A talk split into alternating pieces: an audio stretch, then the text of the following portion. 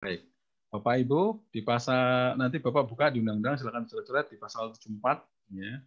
Pasal 74 ke belakang itu tentang kewenangan kepabianan banyak. Kita boleh punya kapal patroli, kita boleh punya senjata, kemudian bea juga juga boleh minta bantuan TNI Polri dan hal dibutuhkan ya. Nah ini kita diresumkan oleh CPM. Uh, ada beberapa yang penting yang mungkin keluar di soal ya kita mempunyai kewenangan pemeriksaan bangunan, Pak. Jadi bangunan ini boleh diperiksa bea cukai. Kita juga boleh pemeriksaan pengangkut. Nah, sarana pengangkut, Pak, ada kapal, eh, ada truk yang tracking itu, itu boleh, Pak. Kalau mengangkut barang ekspor impor dari Priok, mungkin mau ke Cikarang gitu, di stop tengah jalan, kita periksa boleh.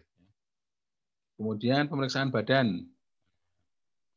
Kalau pertanyaannya nih Bapak ini lagi sekolah gini, lagi belajar, lagi dengerin Eh, apa Pak lagi dengerin pelajaran ini tahu-tahu datang satu eh, satu regu biar juga datang meriksa badan Bapak boleh nggak? badan. Boleh Pak. Kan ada undang-undang loh Pak pemeriksaan badan. Kan ada syarat-syaratnya juga Pak. Oh iya. Nanti kita pelajari ya. Kemudian pengendalian barang haki. Ini ada 10 pasal ya pasal yang disisipkan di undang-undang kita tahun 95 udah ada nih. Ini canggih. Baik ya, kita lanjutkan Pak kewenangan kepabianan apa saja. Nah, bangunan yang dapat diperiksa oleh bea cukai ini Pak ini TPS, TPP, TPB, PLB ya. Yang dapat bangunan-bangunan yang dapat izin dari BPS waktu-waktu. Bangunan milik pengusaha izin dari bea cukai, importir, eksportir, pengangkut, WJK, kan pengusahanya dapat izin terkait ekspor impor, pengangkut BJK. Ya. Kemudian bangunan pendukung Pak kantor pusat, kantor cabang, kemudian ada gudang dan sebagainya. Ini yang uh, dapat diperiksa oleh pejabat. Kemudian, nah penghentian dan pemeriksaan terhadap sarana pengangkut dilakukan baik di tengah laut maupun di perairan pelabuhan. Dilakukan secara selektif berdasarkan pengamatan maupun informasi yang dikumpulkan. Ini kita juga boleh uh, menghentikan Pak sarana pengangkut ini. Nah, ini pemeriksaan badan ini Pak syaratnya, ya tidak sembarangan. Yang diperiksa badan lebih juga adalah orang yang berada di atas atau baru saja turun dari sarana pengangkut yang masuk ke dalam daerah pabean. Jadi contohnya naik kapal dari luar negeri, Pak ya, naik pesawat udara. Kemudian naik kapal laut dari luar negeri, wisata gitu ya. Itu boleh. Orang yang berada di atas atau siap naik ke sarana pengangkut yang tujuannya adalah tempat di luar daerah pabean. Nah, Bapak Ibu mau ke luar negeri gitu ya. Sudah di bandara udara mau ke Singapura. Ini bisa diperiksa orang yang sedang berada atau baru saja meninggalkan TPS atau TPP. Ya, TPS di, di kawasan Pabian, Pak ya. Apalagi di bandara, lagi di eh, mana Pak? Di pelabuhan atau TPP, ada PLB, KB, GB, nah, Pak eh, kan boleh diperiksa badan oleh bea cukai. Ya. Yang D orang yang sedang berada di atau baru saja meninggalkan kawasan Pabian, di TPS, TPP, dan kawasan Pabian. Ini juga boleh diperiksa badan. Kemudian ada pemeriksaan barang, Bapak. Ini yang sebenarnya menarik juga, Pak. Pemeriksaan barang itu kalau Bapak dapat jalur merah ya, Pak ya, atau dapat uh, ya jalur merah, itu Bapak akan dicek kontainernya atau barang-barangnya. Ya. Pejabat biaya dan juga berwenang melakukan pemeriksaan pabean atas barang impor atau barang ekspor setelah pemberitahuan pabean diserahkan. Nah, Ada Bapak Ibu yang punya pengalaman periksa fisiknya? Sering, Pak. Sering ya. Pak Reza impor apa Pak Reza? Uh, periode tahun lalu waktu tadi mungkin sudah disampaikan Pak Untung permasalahan efek dari perusahaan di Batam itu Pak. Uh, jadi kita impor tekstil, jadi selama hampir dua bulan impor tekstil kita dicek terus, jalur merah terus. Tapi aman Pak ya? Aman Pak. Karena memang legal ya. Legal, Bapak, buat, Bapak buat apa? Kenapa Pak? Uh, bahan baku atau oh, bahan baku pak bapak Buat apa kawas? Oh, impor bahan baku, cuman kita nanti keluarnya jadi garment kan? Oh, gitu. Jadi Bapak punya industri ya untuk pabrik ya? Oh, bukan, saya cuman ininya apa namanya? forwardingnya, oh. MKL-nya. Itu yang susah kualitasnya, Pak ya.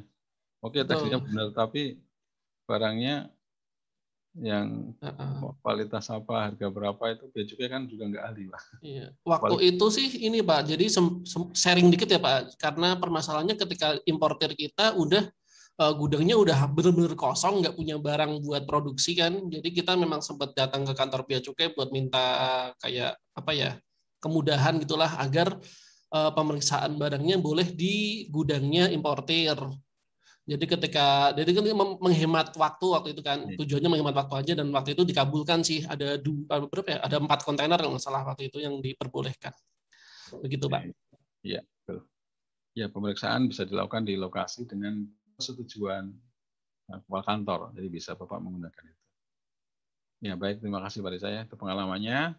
Uh, Bea Cukai berwenang melakukan pemeriksaan pabean atas barang impor para ekspor setelah pemberitahuan Bapak diserahkan. Nanti mekanismenya Bapak banyak Bapak sekalian uh, ada random karena sistem acak, ada yang karena profiling ya. Profiling Bapak Hairis dan sebagainya. Kewenangan lainnya Bapak Ibu tadi kita sampaikan uh, pemeriksaan pembukuan. Pejabat Bea dan Cukai berwenang melakukan audit kepabeanan terhadap orang yang melakukan transaksi kepabeanan. Audit kepabeanan bertujuan untuk menguji tingkat kepatuhan terhadap ketentuan peraturan perundang-undangan. Ini ya, Bapak Ibu sekalian, ini terkait kewenangan audit. Kenapa di undang-undang ini kok ada audit sih gitu ya? Mungkin orang swasta dulu pada kaget ya, kita eh, Cukai datang ke perusahaan-perusahaan, bisa buku Bea Cukai ngapain sih? Kan Bea Cukai kan di, di pelabuhan, bisa kontainer. Ini kok meriksa pembukuan memang bisa gitu ya. Bapak eh, rezimnya dulu Pak, rezim kepabeanan itu namanya eh, pre-shipment inspection, ya, pre-shipment inspection. Jadi barang itu diperiksa, diinspek ya ketika akan dikirim di pelabuhan muat sana Pak di eksportirnya ya. Pre-shipment inspection.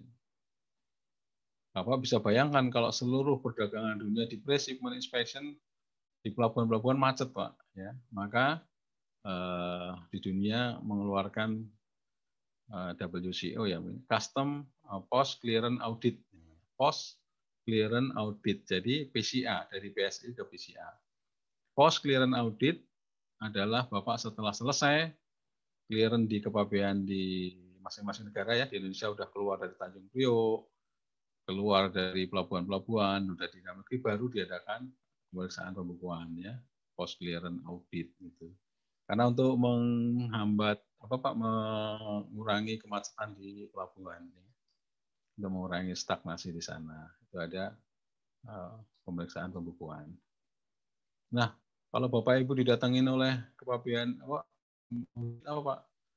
Nah bapak akan diminta laporan keuangan buku catatan kemudian meminta keterangan lisan, memasuki bangunan.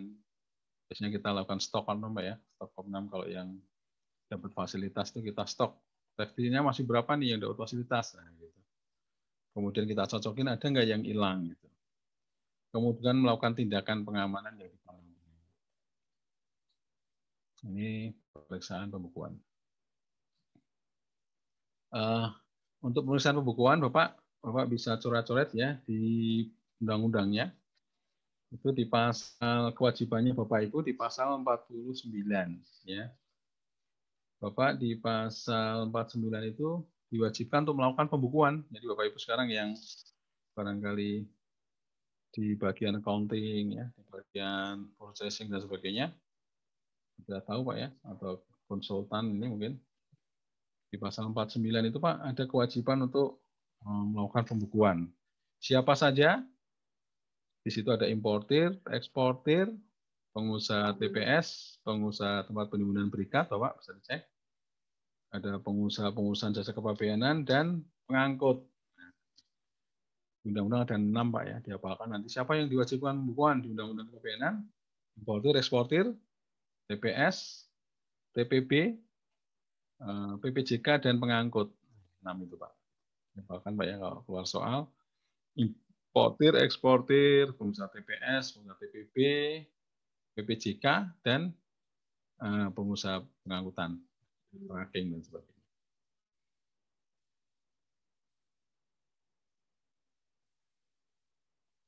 Terus kewajibannya apa Bapak Ibu sekalian? Itu menyimpannya 10 tahun di pasal 51 Bapak. Dari coret di situ. Di undang-undang yang punya bukunya pakai stabilo dicoret tahun, enggak ada soal. Terus sanksinya Pak di pasal 52. Jadi pembukuannya itu diatur Pak, ya pembukuannya itu pakai bahasa Indonesia, huruf Latin, angka Arab, mata uang rupiah, bahasa Indonesia, atau dengan mata uang asing dan bahasa asing yang diizinkan oleh menteri. Jadi itu. Ada beberapa kewajiban. Karena dulu saya pernah datang ke perusahaan, Pak, nulisnya pakai bahasa Korea, Pak. Saya nggak bisa baca. Yo artinya apa itu? Hurufnya juga huruf ya ini untungnya Bapak disuruh menggunakan huruf Latin. Salah satu atau angka, huruf Latin angkanya angka Arab. Ini di undang-undang nyebut Pak ya angka Arab. Coba Pak kalau nggak pakai yang nemu angka 012 tingkat ternyata dari Arab. ini ada. Coba Bapak nggak boleh pakai bahasa Arab ini Pak angka Arab. Bapak nulis satu miliar pakai huruf Latin. Huruf apa yang itu Pak? Romawi ya Pak ya? Satu miliar itu kan mumet itu kan. Satu miliar pakai huruf yang apa Pak? Romawi itu Pak ya? Yang pakai angka lima, gampang. Satu ya, Romawi Pak. Untung ada angka Arab Pak. Pak Untung mohon maaf Pak. Eh, tadi mengenai lima tahun itu di pasal berapa ya Pak ya? Lima tahun yang apa Pak? Yang oh, tadi apa penyimpanan dokumen Pak itu tadi? Oh 10 tahun. Pasal 51 Pak. Oh, cuma satu, Pak. Oke, Pak. Akan dicoret. Nah, pasal 51 ayat 3. Kalau uang ya wajar, dia harus bekerja. Saya mau jadi laki gue, dia mau tidur-tidur aja. Iya, Bu Karen, ada apa Bu Karen? Emang ngewe nggak pakai tenaga? Bu Karen, ya. Eh, pasal 52, Bapak sekalian, kalau tidak melakukan pembukuan sesuai aturan tadi, Pak, dendanya 50 juta. Nah, terus uh, kalau tidak memenuhi ketentuan tadi bahasa dan sebagainya, Bapak dikenakan denda 25 juta. Wah, murah ya Pak. Mendingan saya bayar denda itu aja, Pak. Nah, Bapak Ibu ngimpornya ngemplangnya banyak miliar. Bukunya ditulis saja pakai bahasa apa gitu ya, nggak bisa dibaca, kena denda 50 juta tapi Bapak diblokir Pak ya. Nanti bikin lagi gitu ya. Baik itu Pak ya. Ini terkait pembukuan. Terus ada lagi Pak, ada orang yang yang di apa Pak diperiksa nggak mau Pak. Hmm. Diperiksa nggak mau. Orangnya dimintakan biasanya setelah surat tugas diminta ini Pak. Sila, siapkan PIB, siapkan jurnal pembelian gitu Pak. Eh, siapkan bukti-buktinya gitu. Nah, ada yang nggak mau, Pak. Nah, Bapak dilihat di pasal 86 ya, pasal 86 eh, pemeriksaan pembukuan di ayat 2. Nah, orang yang sebagaimana dimaksud pasal 9 yang menyebabkan pejabat bea cukai tidak dapat menjalankan kewenangan dikenai sanksi berupa denda 75 juta ya dikenakan denda 75 juta. Ini di pasal 86. Nah, ini juga enak, Pak. Kalau perusahaan bagus yang besar mungkin takut, Pak ya. Oh, semua dikasih dan sebagainya. Tapi untuk perusahaan-perusahaan yang nakal mungkin yang yang kecil-kecil gitu, Pak ya. Uh, namanya mushroom company ya, mushroom company gitu. Wah, dengan saya bayar 75 juta, ya, lari lagi. Kemplang dulu. Nah, terus mau diaudit, alasan banyak-banyak lari lagi. Ntar kan bikin yang ulangnya miliaran untuk impornya gitu ya. Ini saya ngomong jangan ditiru mau saya jadi konsultan dosa saya. Jangan apa ya? Wah, saya, saya ngajarin bocoran ya, jangan. Jangan ditiru Pak ya. Ini ada undang-undangnya, ya undang-undangnya seperti ini. Tidak melakukan pembukuan, denda 50 juta lah. Kalau komplainya banyak gimana? Orangnya nggak mau kok apa Pak, nggak nggak bisa diajak uh, tidak uh, membantu proses audit, dendanya 75 juta. Mendingan bayar 75 juta untuk proses auditnya. Baik, itu Bapak sekalian terkait, terkait dengan uh, pemeriksaan pembukuan.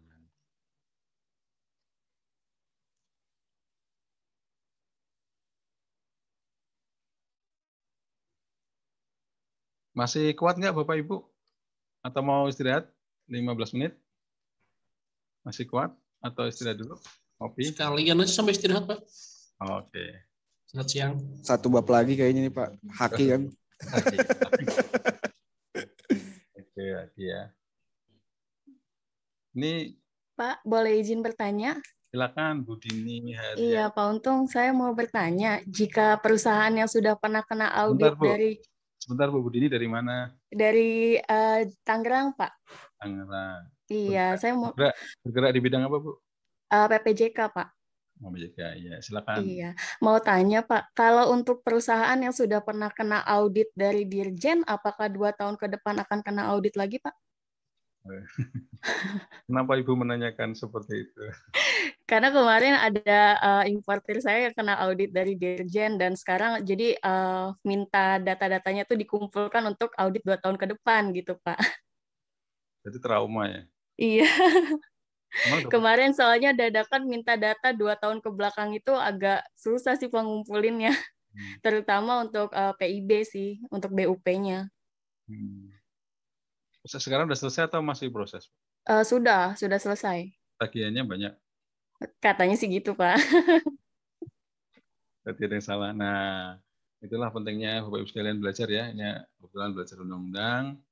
Nah, pasalnya jelas ya Bu ya.